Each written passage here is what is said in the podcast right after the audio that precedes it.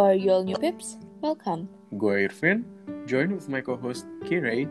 This is, This is We Said Said Podcast. Di sini kita bakal bedah topik-topik everything millennial. Dan sesuai our podcast, share to you all what We We said.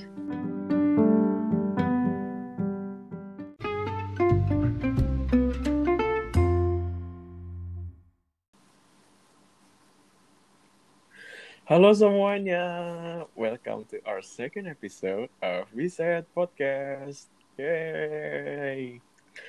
Gimana seminggu ini teman-teman? Dan gimana juga sekolah online-nya? Soalnya semester baru udah dimulai kan? Dan Selamat back to school buat kalian yang baru Yang- mulai sekolah lagi online dari rumah. ya, dan semangat ya buat teman-teman. Kuotanya diirit-irit tuh, jangan cuma buat main lagi. Ingat ada buat uh, Zoom atau Google Meet tuh. Ntar tahu-tahu keputus kan nggak lucu. Ntar dimarahin gurunya. Apaan sih garing banget? Kok kayak trauma ya? ya gitu, kayaknya ada personal experience. Hmm, gitu. Mhm. Terus, hmm, kayaknya di episode kali ini, ya sesuai title-nya, kita bakal bahas beberapa topik ini, yaitu gap year, Wih, culinary widih. school, dan late night drives. Wih. Mungkin apa pilihan topik yang agak random, Hmm, ya, cuma ya gak apa-apa, berbeda gitu. ya. Ini ba- di episode kali ini bakal banyak sharing life experience kita. Wih, di keren Wih. keren gak tuh? Ya personal experience, tapi ya diingat guys, opini ya masih subjektif Oh, ya, dan ya, tetap di ya disaring with a grain of salt. Yes, betul. Tetap difilter. Yes. Mhm. Ya, ya oke. Jadi, Hmm, gimana Kir? hmm, kalau ngomongin gap year, Mhm, Gap year. kira-kira kalau kamu dengar gap year apa sih ini? Kayak ada idea nggak sih? Ada sih. Se- em, karena semenjak aku aku kuliah, terus di kuliah aku baru ketemu teman yang gap year itu, makanya aku tahu. Tapi sebelumnya pas SMA itu mungkin aku bahkan masih asing dengan istilah gap year. Tapi semenjak Oh, kuliah, ya? iya. Tapi semenjak ya paling kalau SMA kan cuma tahu nggak naik kelas dan sebagainya gitu kan. Tapi eh, Kok sedih banget ya? Oh, ya mungkin sih ya. Mungkin karena di sini bukan apa? Bukan kasus yang oh, gap year, bukan, Bukan kayak sesuatu umum. yang positif oh, malah. iya, Bahkan iya, iya. iya pasti asosiasinya sama oh pasti nggak naik kelas Nah. atau oh drop out ya jangan-jangan Iya gitu. benar. Nah pas jadi pas kuliah baru kenal istilah itu dan kalau Mm-mm. ada terlintas kata gap year sih ya sesuai namanya aja ada gap dalam misalnya dalam kita runtutan timeline hidup kita nih SMA ke kuliah. Bet- Terus kalau Mm. ngomongin gap year berarti ada gap di antara timeline itu gitu. Mm, Itu benar sih, aku benar-benar. pikir. Mm-mm. Bener. Iya sama sih aku. Tapi kan kemarin ngomongin lagi ya kan kemarin sempat aku sempat eh, sekolah di luar negeri sempat tiga tahun di Australia tuh. Nah ini guys yang Dan semakin- kemarin dibahas. Oke oke. oke. Iya. Dan semakin ke ujung semakin mendekati kelulusan gitu. Mhm. Kata gap year tuh kayaknya semakin common gitu ya. Hmm, kok bisa? kadang kayak sebagai oh kalau nanti spontan misalnya spontan dari temanku nih yang anak sana. Kayak spontan aja oh nanti kalau misalnya apa nggak dapat nggak masuk ke universitas pilihan bakal gap year nih. Lumayan bisa buat traveling lihat Oh, dunia gitu ya. gitu ya. travel different Hmm. places gitu. Tapi ya nggak tahu kayaknya kalau di sana sih lebih common aja ya. Iya, kebalikan. Dan kebalikan sama di sini Kebalikan? kayaknya gap year tuh kayak sebagai sebuah hal yang ditakuti gitu kayak hah Hmm. enggak enggak Kayak masa mau ambil buat- gap sih gitu Mm-mm. Kayaknya buat orang-orang di sana malah lebih ke advanced thinking. Kayak Ya. benar-benar hal yang positif, sebuah pilihan Mm-mm. individu ya tentunya. Hmm. Dan tentunya ya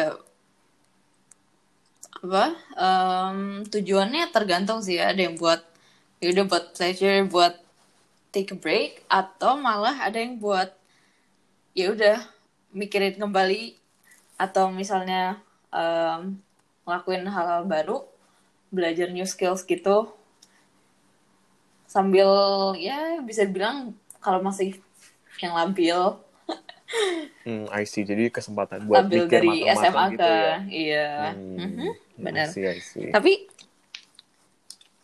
dari termnya sendiri ya gap year awalnya aku ngira oh gap year pasti satu tahun full nggak ngapa-ngapain bener-bener off Mhm. terus baru balik lagi tapi sebenarnya Nggak nggak kayak gitu. nggak harus ya dan nggak harus satu tahun pas Hmm. gap year bisa juga kayak cuma beberapa bulan atau setahun atau bahkan bertahun-tahun itu bisa dibilang gap year sih Oke. years kalau untuk yang tahun-tahun Mhm, mhm. Mhm.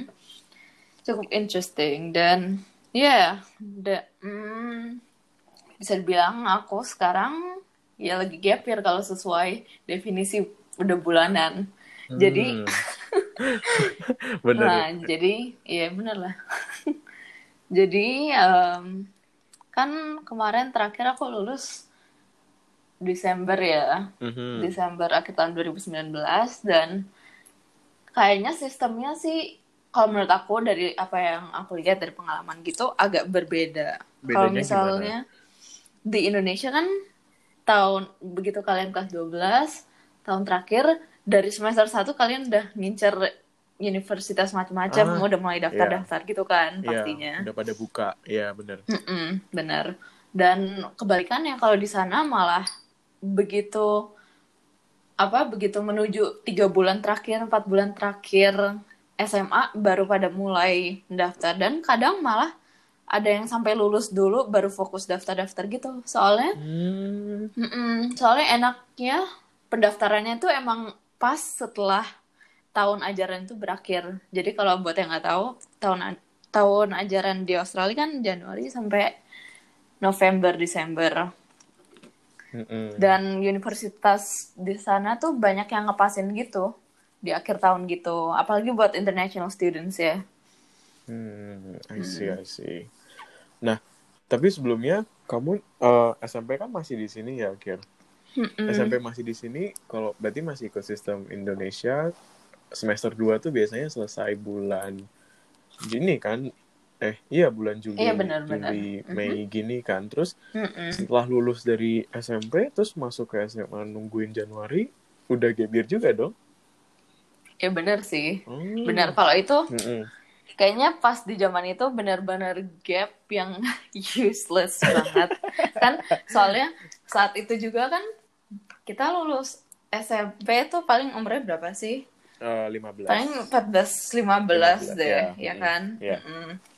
nah ya udah di masa itu beneran nganggur yang namanya nganggur beneran dimanfaatin serasa liburan 6 bulan gitu guys balas dendam ya Ber- selama tiga tahun udah belajar. enggak ya enggak gitu juga sih cuma kayak karena nggak melihat adanya kemungkinan lain untuk mengambil aktivitas lain kan ya 15 tahun mana kepikiran sih ah Iya, mau ini mau iya, itu kan benar. kan belum ya belum Hmm. masanya nah tapi kalau di gap year kali ini bisa bilang nggak berbeda Mhm. kayak sebenarnya aku baru lihat-lihat tentang gap year ini baru belakangan ini kan dan ternyata selama ini apa yang aku lakuin selama berbulan-bulan ini kok ternyata sesuai juga sama definisinya kalau di Oh. kalau menurut orang di luar sana dulu aku juga sempat punya teman orang Jerman gitu ya dan Mhm. buat sebenarnya buat orang Jerman tuh gap year common banget dan ternyata malah em, konsep gap year ini itu asalnya dari Jep- Jerman loh tahu nggak Oh, oh iya? Mhm.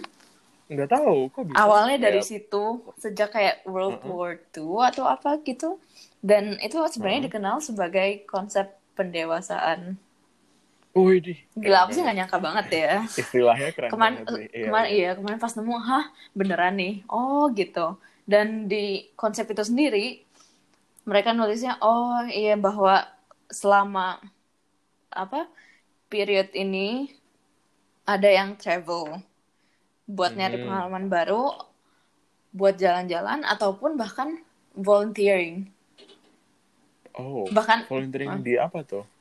volunteering sebenarnya luas ya definisinya dan Iya. volunteering tuh bisa dibilang ya banyak yang keluar negeri terus kayak volunteer ngajarin a- anak-anak kecil apa gitu Oh. atau misalnya ikut ikut program-program organisasi yang ya. buat lingkungan menarik sih Hmm. kemarin malah pengen sempat kepikiran itu cuma sebelum terlaksanakan covid udah terlanjur. udah terlanjur Ya.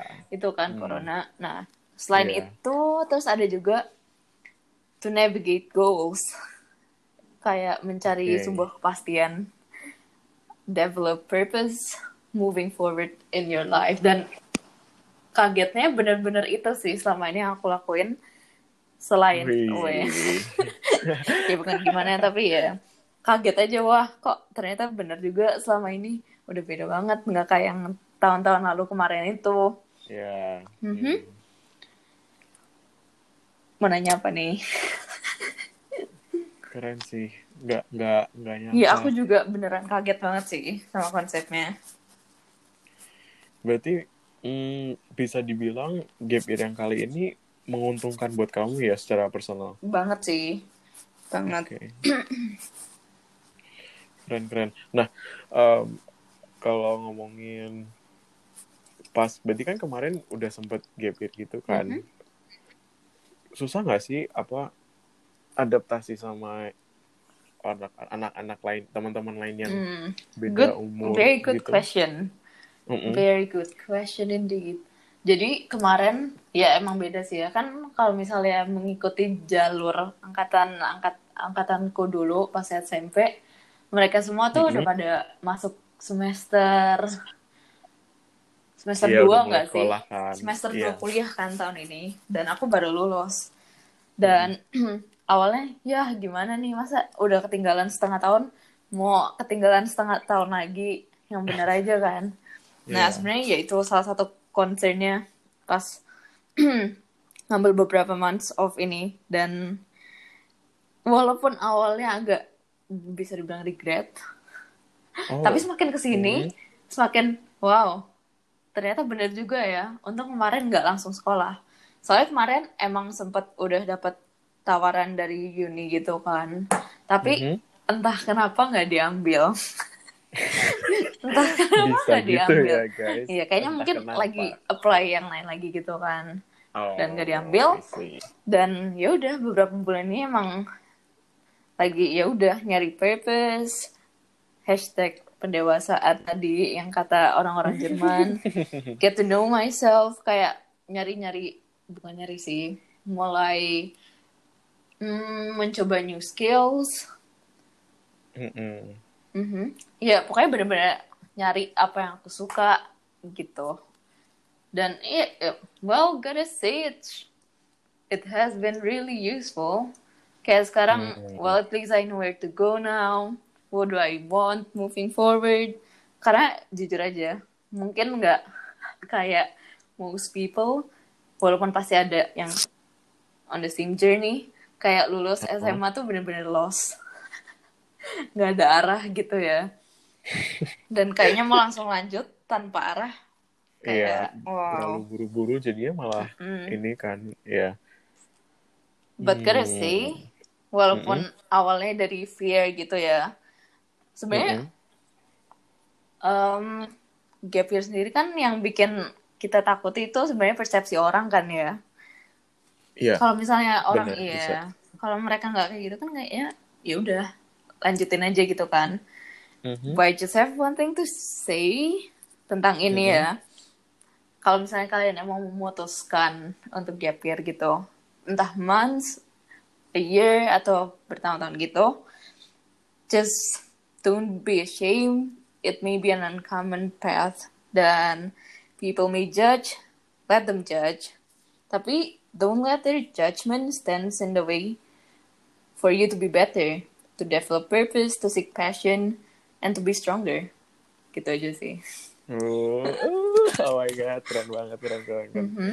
Hmm, ya sih, keren banget. Maksudnya semenjak kuliah pun aku juga ketemu teman baru pertama kali ketemu punya teman yang gap year juga. Mm-mm. Terus awalnya em, ketika dengar kan biasa lah ya perkenalan Mm-mm. disebutin tanggal lahirnya tahun berapa kaget sih pertamanya tapi terus Pasti beda-beda ya. ya bener Mm-mm. Heeh. terus tapi kemudian setelah kenal lebih dalam sama mereka sebenarnya di balik gap year itu juga bukan gap year yang tanpa alasan ada alasan di balik itu dan oke ya ya aku sebagai temen ya menghargai dan appreciate dan kayak oke Hmm. gitu sih Iya. ya maksudnya there's no need to judge them gitu untuk uh, melakukan mengambil tindakan gap year Mhm. cuma ya karena mungkin di sini masih uncommon jadinya kebanyakan perspektif masyarakat Masih itu. negatif, ya. ya Ya Mhm. gitu aja. Tapi oh keren iya, keren keren kan kamu kuliah nih. BTW, BTW sebenarnya Iya. sebenarnya kita berdua seumuran tapi entah gapnya bisa sejauh ini. Jadi kamu tahun keberapa sih? Um, aku Kamu tahun sekarang keberapa? berarti Terus tahun lagi kuliah di mana nih sekarang? Sama belajar apa? Oke. Dari aw- aku dari awal aja ya. Iya, Ba- boleh. Um, jadi teman-teman, wis. aku lagi kuliah ambil ma- ambil jurusan masak. Mhm.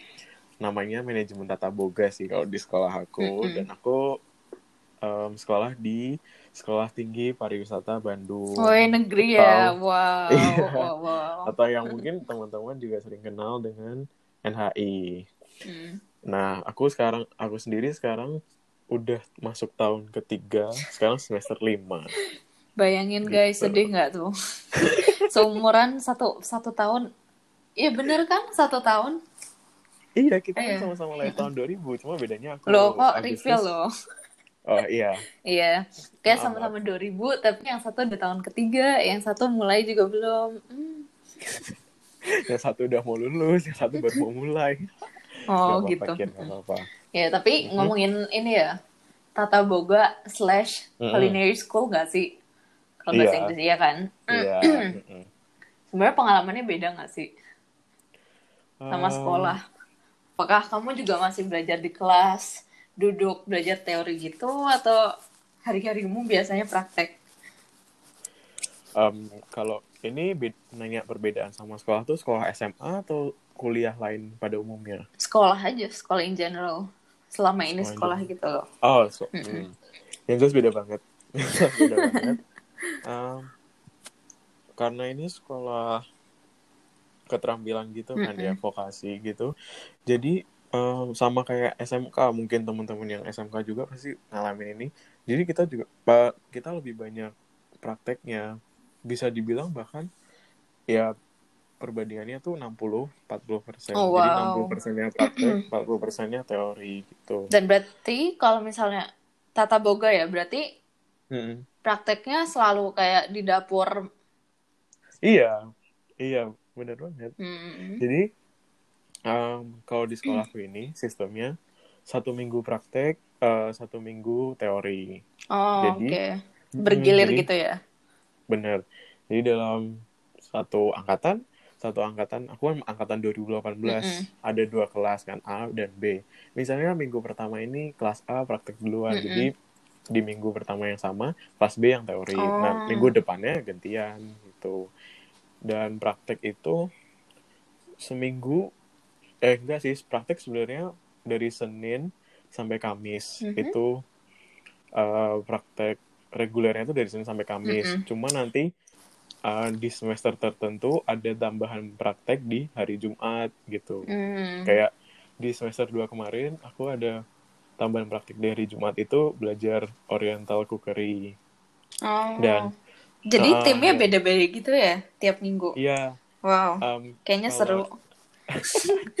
kalau di praktek regulernya sendiri yang Senin sampai Kamis itu Western mencakup Western sama Western Indonesia sama Asianya tuh dikit sih memang. Makanya Hmm. di semester 2 ini apa di ada praktek khusus di satu hari di Jumat ini belajar tentang Oriental Cookery, mostly Japanese food sih. Oh, wow, wow, kayaknya Ya. enak banget ya ampun. Terus pas kemarin semester 3 em, di hari Jumatnya ada belajar Indonesian Cookery sama pastry, Hmm. basic pastry gitu. Ya ampun, kayak seru Gitu. banget. Berarti kalau misalnya kalau lihat dari segi teorinya, apakah kamu teorinya teori dapur gitu tentang makanan, saus-sausan gitu atau apakah kamu juga belajar pelajaran lain juga? Iya, apa? Ada mata kuliah yang mencakup itu, mencakup tentang bahan-bahan kita apa belajar lebih dalam tentang bahan-bahan makanan, alat-alat Mhm. dapur, kebersihan dan sebagainya. Pokoknya yang menyangkut tentang dapur.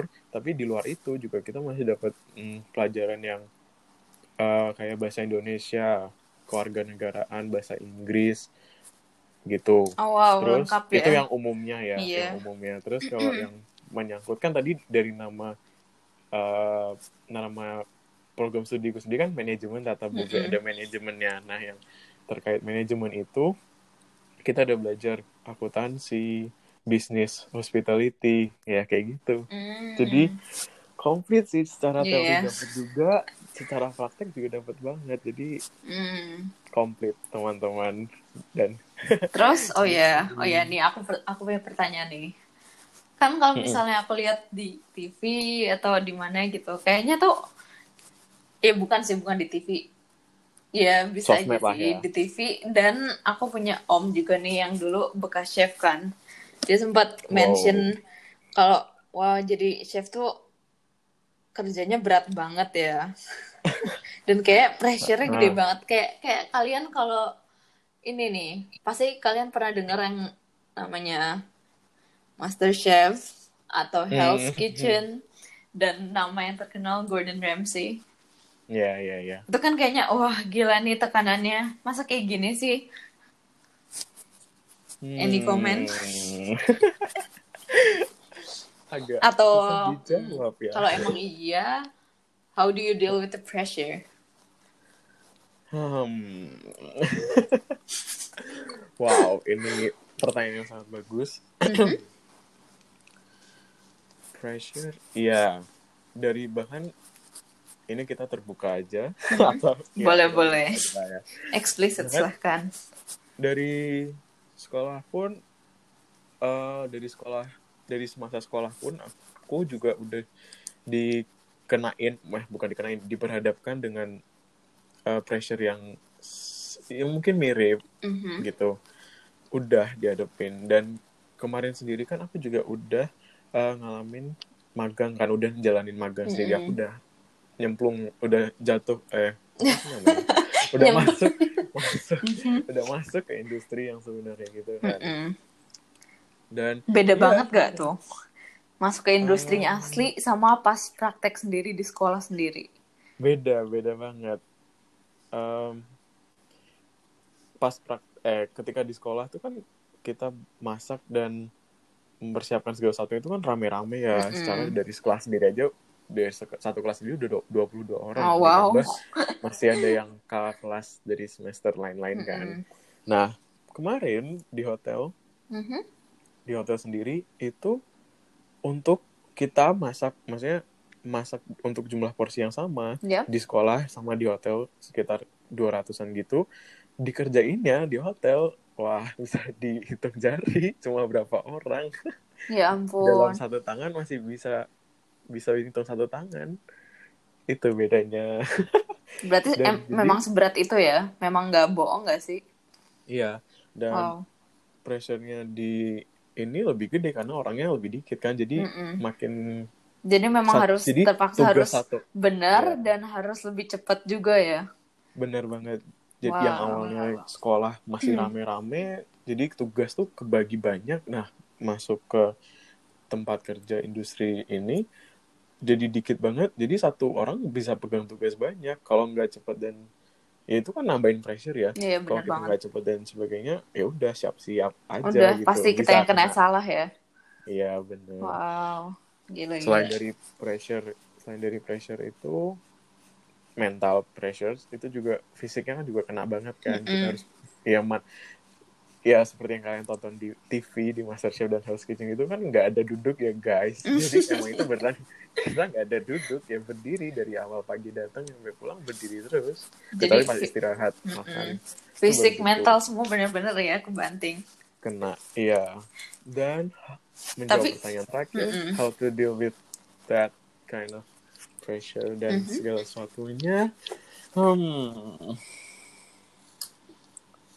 ini agak buat aku Gimana? personal Mm-mm. buat aku personal salah satunya salah, sat- eh, beberapa cara nih ya. Yang pertama, yang pertama jelas eh, mendekatkan diri ke Tuhan. Maksudnya lebih rajin. Dengan entah kenapa dengan rajin melakukan kegiatan ya ibadah gitu pribadi sih nggak hanya harus ikut ibadah besar dengan kita mendekatkan diri ke Tuhan pribadi gitu ya kita kan berdoa kita minta juga kekuatan baru kita minta dikuatkan Mhm. kita juga minta apa eh, kebahagiaan damai juga buat ngejalaninnya itu terus yang kedua eh mungkin juga cerita apa eh, cerita dan ngobrol sama orang lain biasanya aku sama orang tua sama teman gitu Hmm. Eh, jadi Iya. kayak nggak di keep burdennya ke diri sendiri gitu ya? bener jadi bisa dikeluarin gitu apa yang kita alami beban apa yang kita punya selama kerja atau selama sekolah gitu kita cerita itu bisa keluar ke entah ke orang tua teman dan yang terakhir buat aku Mhm. sih em, ya aku selalu lihat aja kadang tuh eh, ketika aku lagi ngalamin ini suka ngerasa kalau aku doang yang ngalamin tekanan dan Hmm. segalanya itu cuma aku doang padahal Mm-mm. enggak kan aku bahkan aku pun sekelas gitu kan 22 jadi 22 ini ya ngalamin hal yang sama nah ketika aku lihat oh yang teman-temanku sendiri pun juga ngalamin hal ini itu juga kerasa lebih ringan dan Iya. selesai biasa selesai praktek gitu suka cerita-cerita juga ya itu tadi mengeluarkan Membantu banget punya. sih. Mm-mm. Iya. Dan kayaknya itu apply ke semua nggak sih? Di mana pun pressure dari mana pun dan di jenjang mana pun dalam hidup nggak sih? iya Kayak unloading tuh, wah benar-benar. iya benar banget Mm-mm. jadi penting banget sih kita punya teman dan bahkan ketika kita punya satu teman aja yang bisa buat kita share hal begini tuh udah bersyukur banget gitu makanya di episode sebelumnya yang waktu HLO aku juga aku bilang kan aku bersyukur bisa dikelilingin teman-teman nah itu tadi guys gitu. Dan teman-temannya bukan yang cuma teman main doang ya guys. Iya, Maksudnya teman yang gak superficial yang beneran bisa ngomong sampai deep down. iya benar banget Mm. Oh iya iya, oke satu lagi. Mhm. Mau nanya nih. Jadi untuk misalnya em adik kelas adik kelas di bawah kamu yang mungkin memikirkan lagi considering masuk culinary school slash tata boga ini. Mhm. Tapi sebenarnya mereka kayak mm, masuk nggak ya kayak second guessing themselves. oke How do you decide in the end? Hmm. Maaf ya, susah. Tapi kali aja membantu buat yang mendengar. Hmm, jadi gimana maksudnya em, apa yang membantu mereka untuk meyakinkan mereka gitu? Maksudnya? Iya bisa dibilang soalnya kan misalnya nih orang wah kayaknya belajar bisnis lebih aman nih soalnya bisnis lowongan kerjanya besar atau misalnya eh, belajar kedokteran soalnya emang terkenal gitu. Nah, Hmm. akhir kalau kamu akhirnya bisa memutuskan oh iya kan kamu juga sempat eh, bimbang antara beberapa pilihan nih sebelum Hmm. kuliah. Nah, Iya iya iya. Hmm. apa sih yang bener-bener bikin kamu oh enggak kayaknya beneran ini deh this is the the major I have to take Hmm, Oke. Jadi kalau buat aku sendiri kemarin yang membuat aku yakin itu karena aku melihat dengan aku ambil jurusan ini, ambil kuliah ini, itu setelah lulus ya nggak cuma teori yang dapat, tapi aku juga punya skill, skill buat kerja. Seandainya pun aku nggak punya, eh maaf, seandainya aku nantinya juga bukan kerja sama orang, maksudnya Iya. aku sendiri mau buka usaha ya selain aku punya em, selain aku punya skillnya dalam bidang F&B food and beverage Mhm. itu juga aku dapat teorinya tadi kan yang aku bilang aku dapat akuntansi dapat cost control bisnisnya ya bisnis juga itu oh juga udah meliput aspek-aspek yang mempersiapkan aku setelah nanti lulus gitu Wow, bijak banget, Nah, wow. mm-mm, Tapi bener jadi sih, bener. mm-mm. Nah, jadi mm, buat teman-teman yang mungkin masih ragu gitu untuk ngambil em, jurusan masak culinary school atau tatap muka ini, nggak ada salahnya buat kalian coba karena seandainya nanti ke depannya kalian nggak mau kerja di bidang em, dunia dapur pun kan kalian juga selama ini Ada skillnya. ada ya ada skill terus Mm-mm. kan juga belajar apa tentang hospitality gitu kan apa Hmm. sikap-sikapnya attitude uh, dan knowledge-knowledge yang dibutuhkan dalam hospitality secara umum gitu ya itu kalian masih bisa uh, pindah-pindah ke departemen lain. Karena banyak juga aku punya kakak kelas yang setelah lulus juga mereka nggak mesti selalu kerja di dapur. Mereka bisa kerja di bidang lain yang masih di dalam hospitality itu sangat mungkin. Jadi Oke, Oke sih. oke. gitu ya ampun aku nggak nyangka ini akan menjadi topik yang sangat dalam wow dan sangat dalam banget Ya, semoga membantu sih ya. ya Buat yang oh yang interested tentunya. Mhm. Mhm. ngomong-ngomong teman-teman kuliah di tempatku juga murah kok jadi boleh dicoba Highlight banget sih. iya karena Mm-mm. bisa dibilang kuliah masak mahal ya khususnya ini dalam kasusku sekolah negeri di bawah Kementerian Pariwisata nggak mahal teman-teman jadi boleh dicoba Mm. sekian Oke, oke. nah nah kir kir ngomong-ngomong ngomong Mhm. dari pengalaman kita nih kamu sekolah udah nyampe udah nyampe Australia dan aku juga aku juga di Bandung dari Udah pindah-pindah ya malah. Dari Iya, kita- dari Semarang, yang dari terus tiba-tiba nyasar dari- ke Bandung, tiba-tiba magang nyampe Jogja. Wah, oh iya kayak pengalamannya luas gitu ya. Mm-mm. dan kamu sendiri juga nah selain kita melakukan kewajiban kita nih pasti kan ada lah kita Downtime gak sih? Mm-mm. kita refreshing kita jalan-jalan nah kalau kamu sendiri di tengah kepadatan aktivitas belajar gitu kalau refreshing biasa ngapain atau ke mana gitu mungkin Oke, kita kita ngomongin masa SMA aja ya. boleh boleh S juga dari mau. SMA sampai kuliah ini ya. Kan aku belum kuliah, jadi boleh kamu Oh, ngomongin. eh. Ya, jadi ya bebas ya. jadi kalau dari aku perspektif pindah di luar negeri nih ya. Mungkin kalau di sana mirip ada miripnya sih. Kalau misalnya refreshing pasti kalau rame-rame sama temen tuh kalau nggak makan nge-mall belanja kan. Itu udah common banget nggak sih? Mm-mm, ya. Nah, benar. hmm, menariknya di sana sih kalau makan kita tuh nggak cuma makan sembarang makan di kafe Wow. duduk gitu ya. Kadang tuh terus salah satu hal yang common juga, apalagi kita nih yang udah kayak tahun-tahun terakhir gitu kan kita semua udah pada punya SIM gitu kan, SIM nyetir. Di asik asik asik Mm-mm. Kalau di sana tuh common yang namanya late night drives. Kayak misalnya Hmm. Jumat atau weekend gitu ya. Kita kayak drive ke Lookout, malam minggu lookout gitu ya gitu. Kir Mm-mm. kayak ke higher plane atau ke beaches maybe. Mhm. Terus kayak sambil menikmati pemandangan kita makan sama ngobrol gitu loh. Kayak wow. Aduh, syahdu sekali. Iya, dan itu kayak Keren, keren. sebenarnya kegiatan kayak gitu malah nggak wow banget nggak kayak date spesial gitu di sana. Malah sebenarnya very Itu common umum. actually. Ah, lagi-lagi. Oke. Mm-mm. Perspektif beda ya. Tapi iya sih, emang keren banget. Hmm. Kalau kamu sendiri, Kalau aku sendiri sejauh ini hmm, ngomonginnya aku kuliah ya, karena lebih relate di boleh. kuliah kan. Kuliah selama ini untuk refreshing gitu, ya of course yang kita lakukan selama ini tidur itu salah satunya. ya Terus ampun.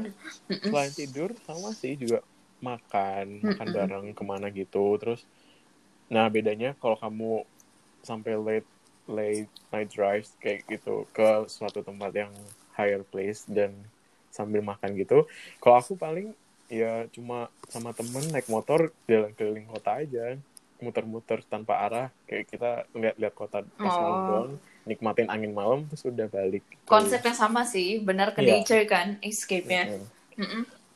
Bener, Terus- tapi emang bener gila kalau kayak healingnya nature tuh emang beda sih ya kayak wow serasa liburan tapi enggak juga bener-bener short escape bisa dibilang Iya. Bener banget. Mhm. Terus udah sih paling tidur, makan, jalan-jalan yang muter-muter itu atau eh, ini nonton series. Ya biasa ya Oh, pastilah tapi Apalagi kayaknya kalau itu nggak mungkin datang. deh kayaknya semua orang pasti ada sesi itunya deh Iya. binge iya watching ya Mhm.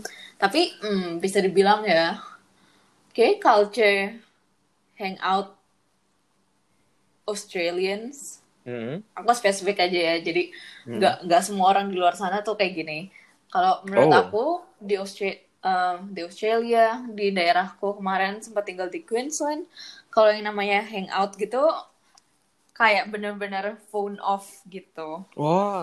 ya bukan Oke. pokoknya kayak oke take a pic of the moment selesai terus kayak ngobrol all night long gitu loh. Jadi dan lebih- bener-bener kayak lupa HP atau enggak kalau misalnya bawa HP pun kayak nunjukin apa gitu buat catch up aja. Hmm, nggak kayak culture di sini. Kayaknya HP always tiap berapa menit gitu nggak sih? Tiap berapa menit dicek, Mm-mm. diliatin, ada kayak gitu, nature-nya ya. nggak sih? Heeh, nature kayak kita- Indonesian Iya, iya. Wah, berarti kayak bener-bener kita fokus menikmati momen itu iya apa catch up sama teman-teman Mm-mm. dan lebih intimate gitu ya. Gila, Iya. keren banget, keren banget. jadi beda ngerasa banget. lebih connect gak sih Iya, justru sebenarnya tujuan utama hangout atau kita ketemu teman sebenarnya lebih ke arah situ nggak sih kalau ngomongin Iya, bener sebenarnya banget. ya aku pun juga lebih seneng kalau bisa sama temanku seperti itu gitu. Iya, iya, iya. tapi nggak tahu mungkin ya ada mungkin ada juga yang di sini yang kayak gitu sih atau mungkin Iya. banyak malah cuma ya kalau di sana gitu sih Hmm. Mhm. Kalau aku sendiri ngalamin di sini, hmm, bisa nyampe kayak gitu. Tapi ya tentu aja sama teman-teman yang emang emang klik dan emang intim. Ya maksudnya sedekat itu yang benar-benar kita bisa fokus. Kadang saking fokus ngobrol, ya sampai lupa gitu. Kadang Hmm. juga sampai pernah satu kasus lupa waktu tiba-tiba udah mulai dibersihin aja tuh kafenya kayak lo lo emang jam berapa sih gitu bener sih Mm. tapi dulu aku bisa bilang spot favoritku kayak buat ngobrol gitu kalau biasa nih ya walaupun kita udah drive jauh ke lookout ke ke tempat-tempat bagus biasa ngobrol di dalam mobil sambil ngeliatin depannya wow gila Iya. sih Mhm. Hmm.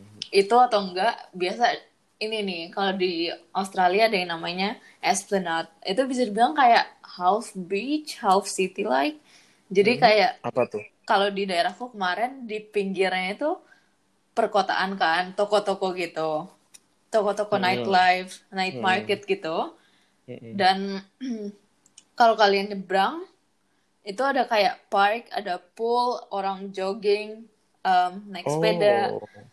Dan pas di depannya lagi tuh ada kayak bisa dibilang ocean atau apa ya lake enggak juga sih soalnya gede gitu river ya sungai-sungai enggak river juga tapi kayak ya pokoknya ya gitulah Hmm. gitu dan ya udah ngobrol dari siang panas terik gitu tahu-tahu kok udah sunset tahu-tahu udah gelap banget Hmm. hmm. padahal sunset di sana sendiri aja bukan kayak di Indo yang jam 6 maghrib gitu ya Mm-mm. sunset Iya. di sana kan lebih malam lagi Iya. ya tapi gitulah. Se se menikmati momennya. Gila, Hmm. aduh, pengen banget ngomong-ngomong. Aku kan aku juga aku belum pernah ngalamin yang kayak gitu kan. Paling-paling selama ini my favorite hangout place gitu kayak cafe yang memang suasananya enak tempatnya enak udah.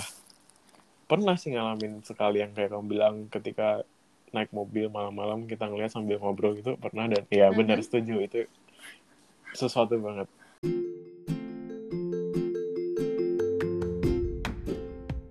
Ah, Iya guys, jadi sebuah episode yang menyenangkan. dan lebih Dan- panjang dari biasanya. Ya nggak biasanya sih dari satu sebelumnya.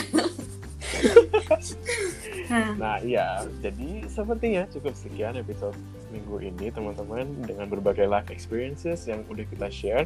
Semoga bisa menghibur and of course learn something valuable from this episode.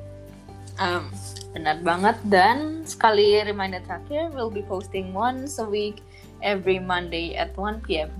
Jadi stay tuned for more episode next week. Till then, Bye. bye.